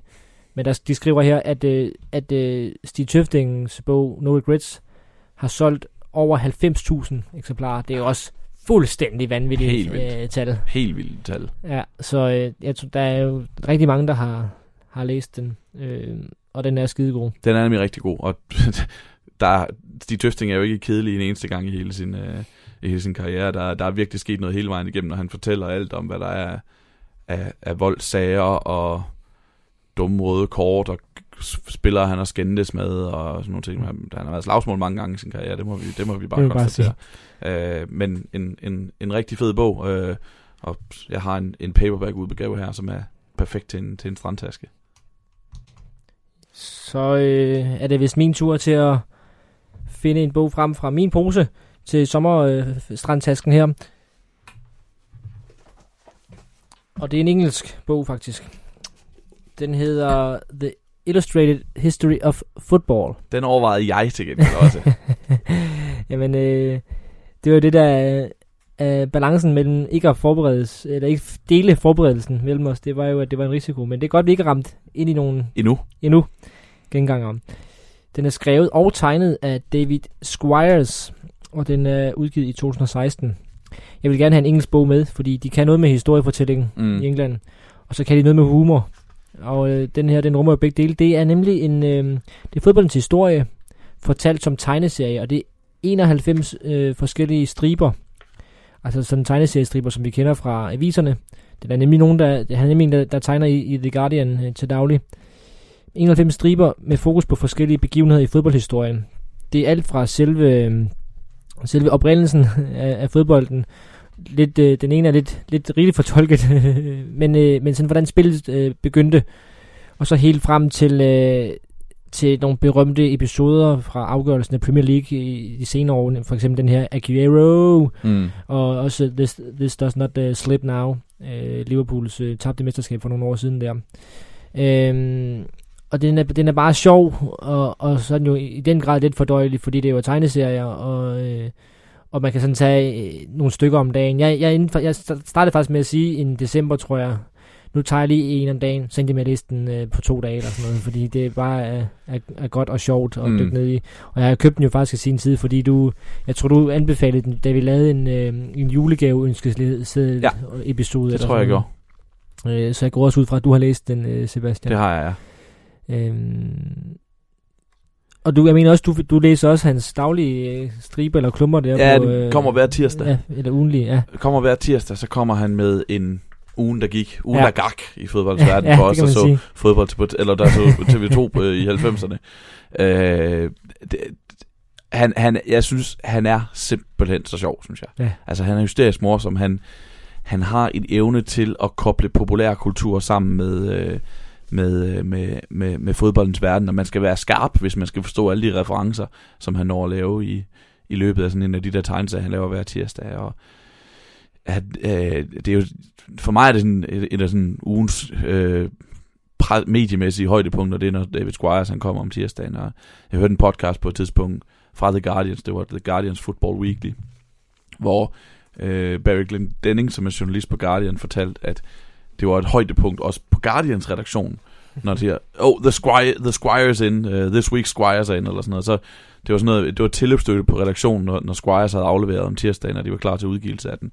Øh, han sagde, det var der ikke andre ting, der var sådan, mm. at, de, at folk glædede sig til at ankomme på den der måde. Han, han er bare, han har virkelig en krøllet hjerne, øh, og, og en evne til at, at sætte tingene sammen på en, på en speciel måde.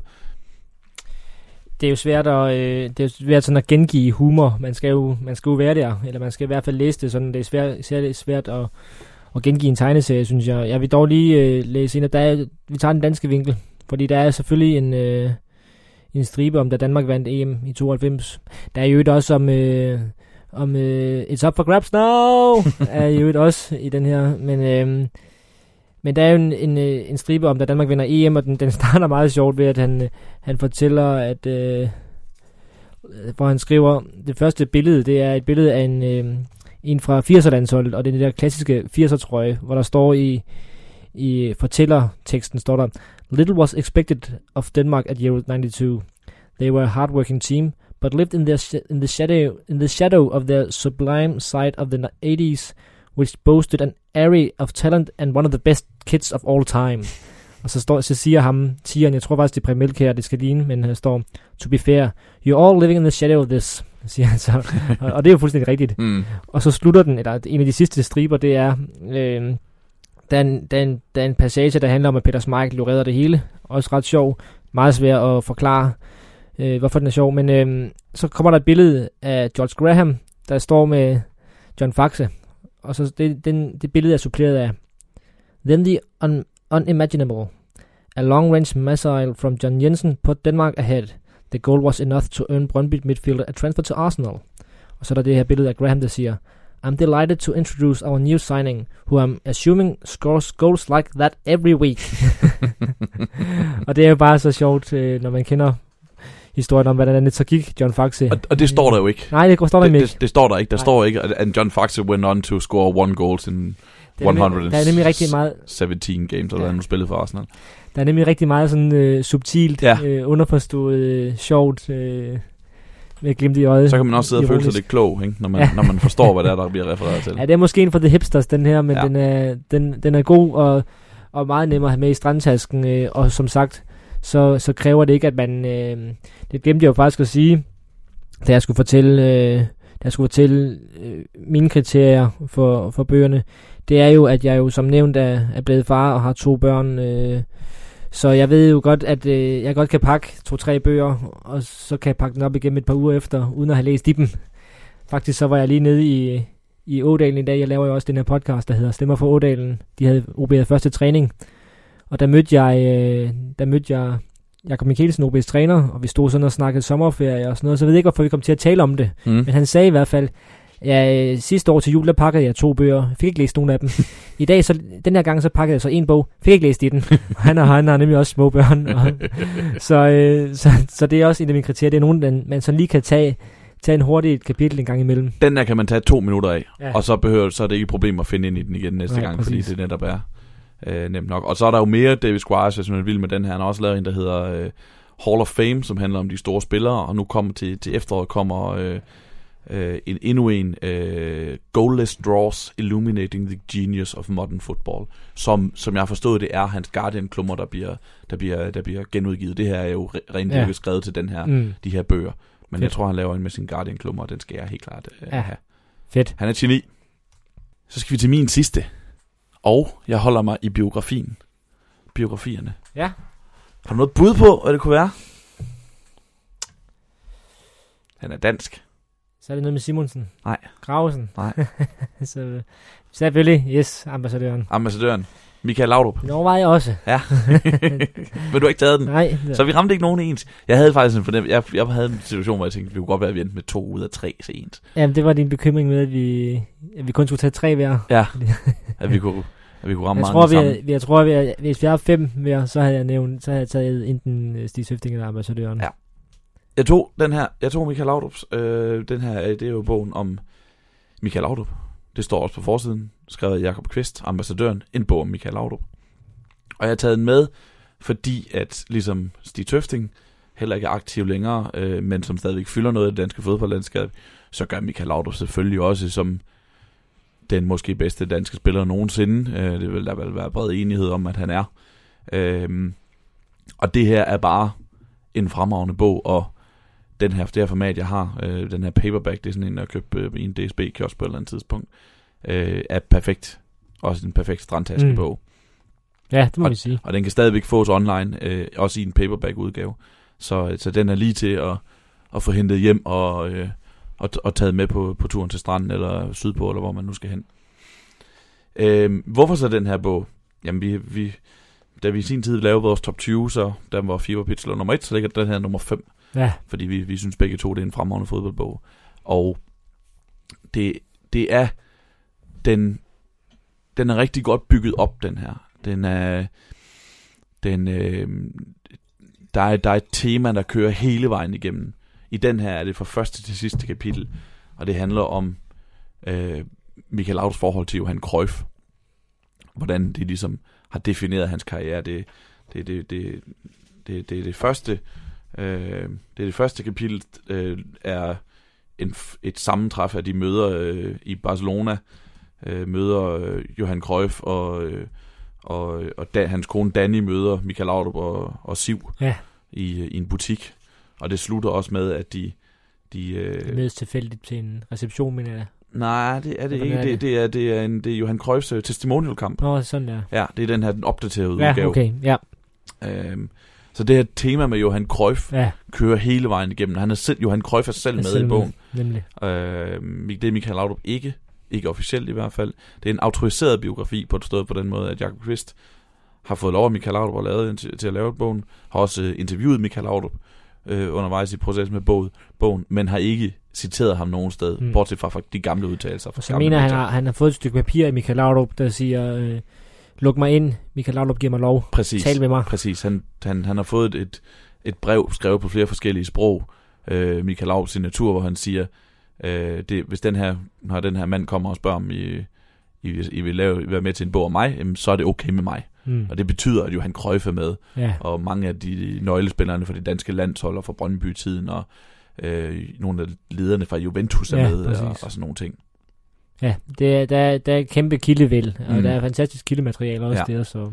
Og, og, og en pointe omkring det her med, øhm, med øh, Johan Cruyff, og den, altså, som, som ligger som sådan en underliggende figur hele vejen igennem, er, at selvom det fylder meget, så, er der, er der ikke, så bliver der ikke sådan hoppet over, Mm. hvor gader laves ved de andre kapitler. Der er lange, lange, nej. lange kapitler om Juventus og øh, landsholdet, Ja, landsholdet. Øh, særligt, lands, særligt meget med landsholdet, og hvad var dansk fodbold for en størrelse de her år, først 80'er landshold, mm. Så Richard Møller Nielsen, øh, Jeg mener faktisk også, Brian Laudrup er med som det er han kilde. også, ja, det mener jeg bestemt. Ja, så den, det er jo hele historien om øh, Michael Laudrups spillerkarriere, og, øh, og man kommer virkelig tæt på, selvom han ikke er med selv, og man kan jo godt fornemme, at han har talt med Laudrup undervejs, fordi han er meget sådan også på, på Laudrups følelser, kan jeg huske, øh, om hvordan Michael Laudrup føler om nogle ting, og så den er, øh, og også nu snakkede jeg om, om Tøfting før, som et, et hovedværk i, i dansk fodboldlitteratur, det er det der jo også, må vi sige. Virkelig. Virkelig. Øh, det, det er det virkelig. Og det, det er den bog, som Michael Laudrup fortjener. Ja, Og den bog, som Michael Laudrups karriere fortjener. Og den, den, øh, den fortæller det hele, og den fortæller, giver også nogle eksempler på, hvor god en fodboldspiller Michael Laudrup egentlig var. Og jeg har plukket nogle eksempler ud. Den første er meget, meget, meget tidligt, hvor øh, de, de bor nede i Østrig, familien Laudrup. Der er næppe tvivl om, at forældrene allerede fra såvel Michael som Brians øh, Laudrups tidligste år havde en klar fornemmelse af, hvad deres talent for fodbold kunne føre til. Finn Laudrup har selv engang fortalt om, hvordan det allerede i Østrig, da Michael var 4-5 år gammel, gik op for ham, at der var noget særligt på færre. Drengen spillede hele tiden, og det foregik ofte op ad muren i gården neden øh, for familiens lejlighed. Dumpene dernede fra blev en velkendt lyd i stuerne. Men en dag hørte de pludselig op, og Finn, Finn kiggede ud for at se hvorfor. Der havde Michael fundet ud af at holde bolden kørende, uden den ramte jorden, skiftevis med højre og venstre fod. Så det, så Man kan lige se det for sig. det, jeg kan godt lide den der sådan naturtalentet, ikke? Ja. Fortællingen om naturtalentet. Det, det fireårige Michael Laudrup finder ud af at lære sig selv Det at jonglere, Det ikke? er vildt. Det er helt vildt. Det kan min fireårige søn altså ikke endnu. Any day now. Any day. Uh, så no, det, det er der bare nogle gode eksempler på. Ja. Der er også, øh, der er også øh, der, han vil gerne vil væk fra Juventus til sidst, Mm. og Juventus gerne vil holde på ham. I dagen efter øh, mødet på Hilton besøgte Laudrup flere gange på Boniperti, og især det sidste møde var ganske hårdt at stå igennem. Præsidenten, der havde værdsat danskeren over alle i klubben, var parat til alt for at beholde på ham, da nu da det i realiteten var for sent. Han kendte ikke Barcelonas tilbud, men han ville give mere. Nævn et beløb, og han vil gøre Laudrup til anfører og lovede ham indflydelse på holdets udseende i den kommende, i den kommende sæson. Blandt andet vil han byde høj, højt på Flemming Poulsen, hvis bare Michelino vil blive. Det var næsten for meget det gode. Så det her med, at Juventus præsident sidder og tækker og beder en dansk spiller om at, Ja, det er vildt. at blive i, i klubben, det, øh, det, det er vildt.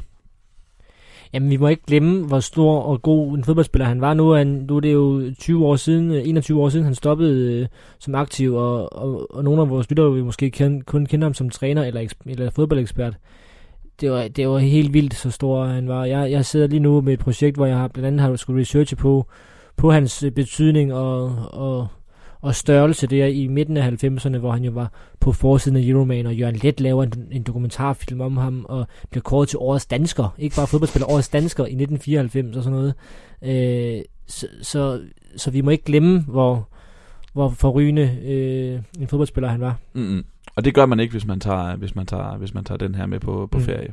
Så ambassadøren, Michael Laudrup, heldigvis blevet opdateret mange gange, ja. øh, fordi da den første gang udkom, det var jo, da han, øh, da han var flyttet til, øh, til, øh, til, til Japan og spillede for ja. Vissel Kobe. Og der var karrieren jo ikke færdig endnu. Øh, Nej. Så det havde næsten været synd, hvis der ikke var kommet flere opdateringer der, fordi ja, is, ja. ja. altså, han, på det tidspunkt mangler vi stadigvæk et helt forrygende år med, med Ajax, og vi mangler øh, ikke mindst ja præcis. VM slutrunden Afslutning, 1998 med, med for- Danmark. Fordi, bogen, jeg, den, jeg, kan, jeg mindes jo, at, at der er nogle af de kapitler, der, eller landsholdskapitlerne jo, især når Richard Møller, øh, som man jo tror er slutningen af hans landsholdskarriere, bliver jo gennemsyret af det der med, at det ikke kører, Mm. og han ikke bliver forløst på landsholdet øh, under Richard Møller. Øhm, men så kommer der jo det, det rigtige punktum, mm. Michael Laudrup også i landsholds sammenhæng. VM 98, ja. Ja. Et, et rigtigt punktum, men også en lille smule et tragisk punktum. Han siger sådan her, til sidst, der bliver Michael Laudrup citeret for, at han siger, øh, det er efter de blev slået ud til Brasilien, der havde efter kampen, så siger han, det ærger mig en del, at vi ikke har spillet sådan tidligere. At der skulle gå så lang tid, før vi fandt det system og den måde at spille på. Det er en skam. Nu håber jeg bare for dansk fodbold, at det kan blive ved, og at holdet fortsætter i samme stil. Det vil være fantastisk for mig at se. Fordi på det tidspunkt sidder han Ja. ja. udenfor, og jeg kan, Ja. ja. jeg kan huske, de der, jeg husker, der var sådan nogle avisartikler øh, i, i årene omkring, øh, eller i, i de dage der, øh, sådan i forbindelse Ja. ja. med, med 98, VM-finalen og, og, og kvartfinalen. Øh, jeg kan huske nogle rubrikker, der stod sådan, Bo Johansson har fundet den rigtige plads til Michael Laudrup. Der er, til, der er tilbage, et par dage tilbage af hans karriere. så det var sådan, Ja, skulle, skulle vi ikke have gjort det sådan 10 år før, eller sådan ja præcis. Ja. Det gik også meget godt i 80'erne, kan man sige, Jo, men det var jo jo. gennem hele 90'erne, hvilken plads kan Michael Laudrup egentlig spille på danske landshold, Ja. og hvor fungerer han bedst? Hvor han, øh, jeg, tror, jeg tror, det var otte år i træk, han får stemmer i Ballon d'Or, Mm. eller sådan noget. Ja. Og, han, og det fungerede bare ikke på landsholdet. Nej. Nå, men det, det er jo en del af fortællingen, Ja. men, men, øh, men den rummer jo så meget mere, og den er en fremragende bog, det der. Og som jeg, når jeg tænker på vores top 20, og når jeg så lige tænker efter, så er det vel, som du selv sagde, passende, at øh, den måske bedste danske fodboldspiller, vi har haft, øh, har fået den bedste danske biografi, som vi har. Det har han ikke. Fordi vi har faktisk øh, Har vi- Frankie Boy. Har Frankie Boy for, ja, foran Frankie den? Boy Jeg foran. kunne ikke huske, om vi havde det. Nå, Jamen, det har vi. det var Men under alle omstændigheder, ja. Michael Laudrup er et ikon, og det her det er en ikonisk bog. super. Så øh, har vi en sidste øh, strandtaskebog på, øh, på listen her, sommerferiebog, og det er også en biografi. Og det er også en, øh, en Lensons legende i Sådan. den sammenhæng. Det er nemlig Zip, en biografi om manden, der ændrede dansk fodbold. Og der har vi ramt en, som jeg ikke har læst. Det er en sjældenhed. Mm. Det er øh, Christoffer Rosenløv Stig Christensen, der har skrevet biografien om Sepp Piontek. Den er udgivet, i 2016, og øh, jeg vil nemlig også gerne have en biografi med, fordi jeg godt kan lide de her personhistorier og livsfortællinger, og som du selv sagde tidligere, så, øh, så er det jo relevant for os. Hvis man ikke er super fodboldinteresseret, så der tror jeg, der er rigtig mange danskere, der har et forhold til Sepp Piontek. Min mor for eksempel, øh, hun er jo ikke sådan øh, fodboldnørd, men hun vil få noget ud af den her, for eksempel. Men det vil fodboldnørder nu også. Øh, jeg synes jo, at biografier er en svær disciplin, men når det lykkes, så er det virkelig fremragende, og det synes jeg, at Sepp-bogen her er en, et eksempel på. Det er måske ikke sådan den oplagte til, øh, til, øh, til weekendtasken, fordi den er på, øh, den er på 438 sider. Mm, nej, det er mere en, det er mere en sommerhustur om, om vinteren. Ja, præcis. Men den, om vinteren. men den er også god, og det er jo et langt liv, der skal beskrives. Øh, han, øh, han, fylder jo, han fylder jo snart 80 år, mener jeg. Så øh, han har haft et spændende liv. Han er født i 1940, og, og det er jo lige op til, det var faktisk lige midt i en, i en krig, og familien bor i Breslau. Han flygt, er med til at flygte fra, fra Breslau undervejs i 2. verdenskrig. Så all, all, allerede der er der jo en, en vild start mm. på et liv. Øh, og så er der jo hele hans fodboldliv, Bundesliga-spiller, Bundesliga-træner, landstræner fra Haiti, hele epoken med det danske A-landshold. Og så er han jo så jo også i Tyrkiet, OB, Silkeborg. Og så er han jo så også grønlandsk landstræner, som, ja, det. som det slutter af med faktisk. Hvad med DK Fælge? Øh, ja. Er de med? Jeg kan ikke huske, om alle hans reklameoptrædener er med. Øh, men vi kender jo alle sammen Sepp Piontek som en forrygende fortæller. Og det er han jo bare, og, han er, og, og det gennemsyrer også bogen. Christoffer Stig Christensen er også en rigtig god fortæller. Han er jo blandt andet Yellowman-skribent og, mm. og sådan en, en dygtig øh, journalist ud i det her fortællende journalistik. Øh, så det, det, det gør også bogen god, at det både er hovedpersonen en god fortæller, og ham, der skal skrive den, er også en god fortæller. Og udover det er den jo så krydret øh, med citater fra rigtig mange andre, fordi det er ikke kun Sepp, der medvirker som kilde i den bog her. Det er også øh, Morten Olsen, Michael Laudrup, Claus Berggren, Preben Elkær, også sådan nogle DBU-skikkelser, øh, Kai Johansen, gammel holdleder, og ham her, Søren Hansen, som jo lavede mange af de her DBU-rapporter mm, i starten mm. af 80'erne, og, og fulgte landsholdet tæt øh, som analytiker. Og spillede med til træning, hvis det manglede en mand. det vidste jeg ikke engang. Nej, det gjorde han. Øh, men det betyder bare, at der er så mange gode detaljer og anekdoter især. Øh, og jeg tænker, at vi lige kan tage to øh, her på, på falderæbet her. Og jeg synes næsten, vi skulle have en fra Haiti, fordi øh, det er jo bare er en lang, vanvittig anekdote om, hvordan det var at være træner derovre. Øh, den er lidt, lang, den her, men jeg, jeg, jeg synes, det er det værd. Nu læser jeg lige op her. På turene rundt i landet oplevede Sepp, hvor dybt voodoo lå forankret i det haitianske samfund. Voodoo er en blanding af tusind år gamle stammereligioner, som slaverne tog med fra Afrika, og katolicisme, som de franske kolonister havde ombord på skibene fra Europa og indførte i Haiti. Gennem århundreder af voodoo-dyrkelsen af overguden Bonje og hans talrige ånder, der styrer verden for ham, og troen på magi, forbandelse og uddrivelse blevet overleveret mundtligt fra generation til generation af haitianerne. Og så kommer det her med Sepp. Sepp hørte flere gange voodoo-trommernes dum dum dum et sted inde bag træstammer og tæt bevokset, bevoksning langs vejen, når han sad i sin bil, og han fik også lov til at overvære en ceremoni på nærmeste hold i en landsby. Der blev drukket stærk rom melas. Den kvindelige vudupræst Mamboen spyede med ild. Fugle blev spist med fjer på. Tilbedere lagde sig på knust glas under åndemageriet, og andre omkring bålet dansede vildt, indtil de gik i trance og faldt spjættende om, om på jorden med det hvide vendt ud af øjnene. Jeg har aldrig oplevet noget lignende. Jeg oplevede det der værd, siger Sepp. Og så fortæller han min anekdote her. Der var zombier på Haiti. Det har jeg selv set. Du tror ikke på det? Jeg troede heller ikke på det, men jeg spurgte på den tyske ambassade, og de svarede, ja ja, det kan godt passe, du har set det. det den slags sker jo her. Jeg tror ikke på zombier som i gyserfilm, eller som overnaturlige væsener i voodoo. Det er fiktion og overtro, men på Haiti forgiftede folk hinanden, hvis der var stridigheder. Det var ikke unormalt. På den måde blev mennesker gjort skindøde. Deres hjerner var slukket, og de kunne ikke tale, men deres krop virkede. De blev brugt i markerne. De havde ingen sjæl i blikket. Læger vil nok sige, at det er umuligt, og jeg ved ikke, hvordan de, de konkret gjorde det. Og det, det er sådan helt vildt at tænke på, at det, den mand her, nu, otte år senere, der står han i en VM finale. Ja, men der er, der, der, altså, der er bare nogle vider i Sepps liv, ikke? Altså ja. starte med det her livet under, altså i Breslau under ja. 2. verdenskrig, ja. og så til der havde han næppe regnet med, at han skulle, øh, at han skulle på et tidspunkt skulle være fodboldtræner på Haiti. Nej. Ikke engang vidste, hvad Haiti var på det tidspunkt. Og så gå jo derfra til, til, til idrætsparken og have 45.000 tilskuere, en 4-2 sejr over Sovjet og sådan noget. Altså det, det, Bliver han kåret til verdens bedste træner der i et år, det mener jeg Jeg mener, han gør i 83, ja. ja. Så det er jo det er bare, som du selv siger, øh, et bredt spektre. Øh, der er også nogle anekdoter fra Haiti om, at, øh, at der er en af spillerne, der påstår, at han kan flyve. og, og så siger Sepp, så må du vise det. Og så prøver han, og det kan han jo ikke. De andre spillere, de er ikke sådan sure på ham, de tænker, han har, han har nok en dårlig dag. Han kan godt, men... Øh, og så, så på vej efter det der forsøg, så, så, så går alle spillere ind i bussen, og så siger Sepp, da ham, der påstod, han kunne flyve, står og skal på vej ind i bussen. Hvad laver du? Jeg vil gerne med. Når du kan jo flyve, hvis du kan, så må du flyve over til vores træning, siger han. Så kører bussen uden ham der, som så må gå hele vejen fra flyvepladsen til, til deres træningsanlæg. Det, der er masser af de der slags der. Øh, jeg vil også lige have en fra, øh, fra med, med A-landsholdet, fordi det jo fylder så rigtig meget i den bog her, og det er jo ligesom, at han har så stor betydning. Øh, den er sikkert også velfortalt af, af flere øh, andre, men det er jo det her med, at, at øh, A-landsholdet på et tidspunkt skal, skal flytte til Idrættens Hus og bo. Mm. Øhm, og det er de jo ikke glade for spillerne. Og der er flere spillere, der opsøger Sepp undervejs, øh, fordi de, de ikke bryder sig om at bruge i det her betonhelvede ude i Brøndby. Øh, Frank Andersen har været inde, og Søren Lærby har været inde og spørge, øh, hvorfor skal de være her, og de er ikke glade og sådan noget. Det er han ligeglad med. Ja, det er han ikke efter. Så næste mand, det er så Preben Melkær. Og så, den er jo fantastisk skrevet, fordi man kan høre Sepp genopføre den her dialog, øh, sådan som Christopher Stigen skriver. Sepp genopfører dialogen med pantomimens kropslige indlevelse i fakta og ansigtsudtryk.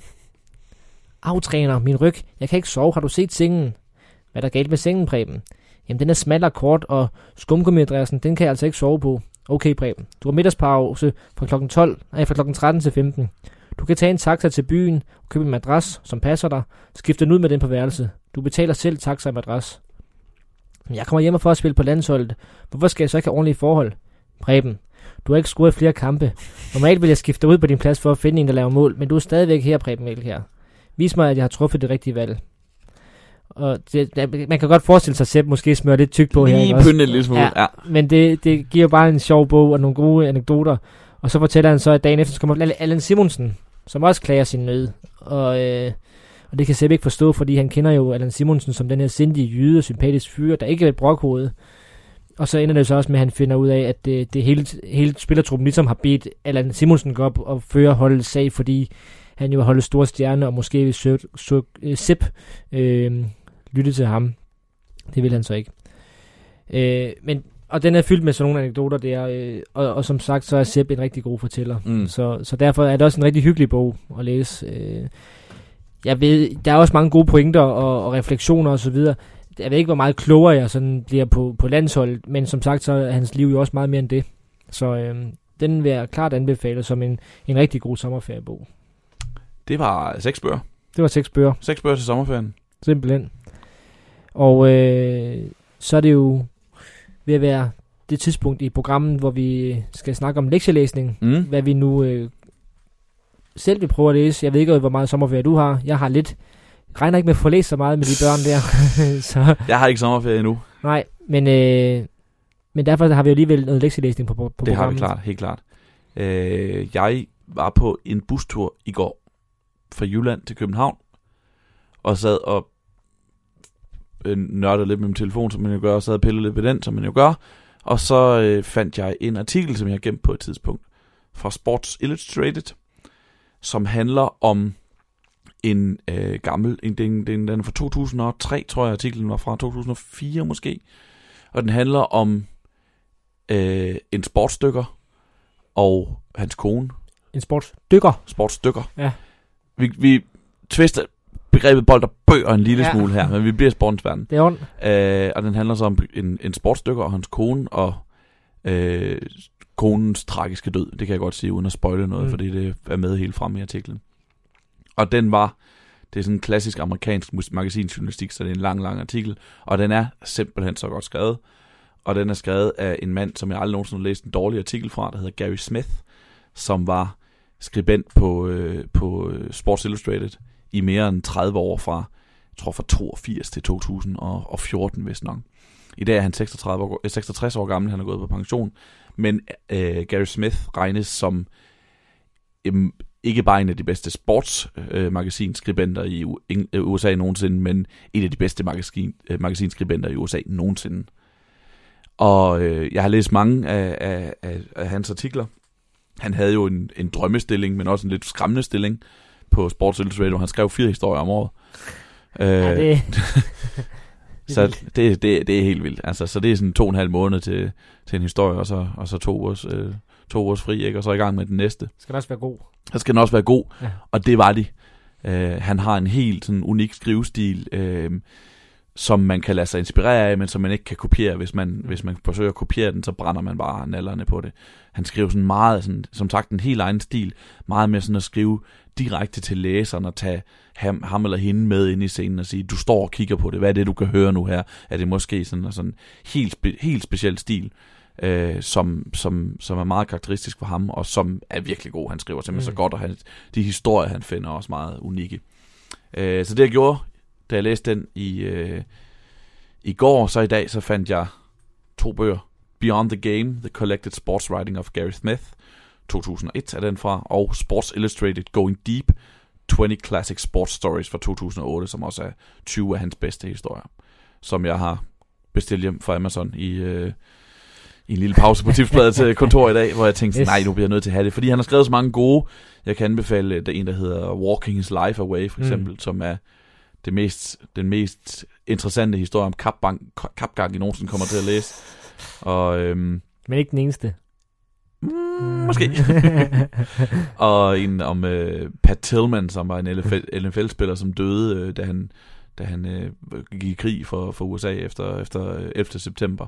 Øh, Remember His Name, mener jeg, den hedder. Ja. Det kan man begge to google sig frem til, så kan man se, om det er, det er noget for en. Så de, er- Det lyder de, som noget virkelig tungt og godt. det er bestemt Tungt, altså ikke, tu- ikke tungt, som i tungt at komme igennem, men øh, det er meget tyngde. Helt sikkert. Altså, vi snakker, sådan, vi snakker jo snakker lange, lange artikler Mm. mm. på et tocifret antal sider, Ja, øh, som, som jeg får hjem her. Sådan I starten af juli skulle de ankomme, så det, dem glæder jeg mig til. Fedt. Det kan være, vi vender tilbage til ja på et det, tidspunkt. det, kunne, det må du gerne tage med som en siden sidste på et tidspunkt, Mm. fordi det er jo sådan, det kommer vi lige tilbage til, at det her ikke er sidste program for vores vedkommende. Øhm, jamen, jeg har, øh, jeg har jo taget en, en gammel sag faktisk, som en, siden, si- eller som en lektielæsning, mm. Mm. fordi det er en, jeg har haft stående på min hylde lang tid. Jeg har læst lidt i den, hist og pist, og nu skal jeg altså have den læst fra ende til anden. Det er fodbold for 8 millioner. Jørgen Leslie Sørensens øh, selvbiografi. Og grunden til, at jeg tænkte på, nu skal jeg altså læse det, jeg var til en reception for et par uger siden øh, hos øh, mine fætter, øh, alle mennesker, som har udåbnet et fitnesscenter.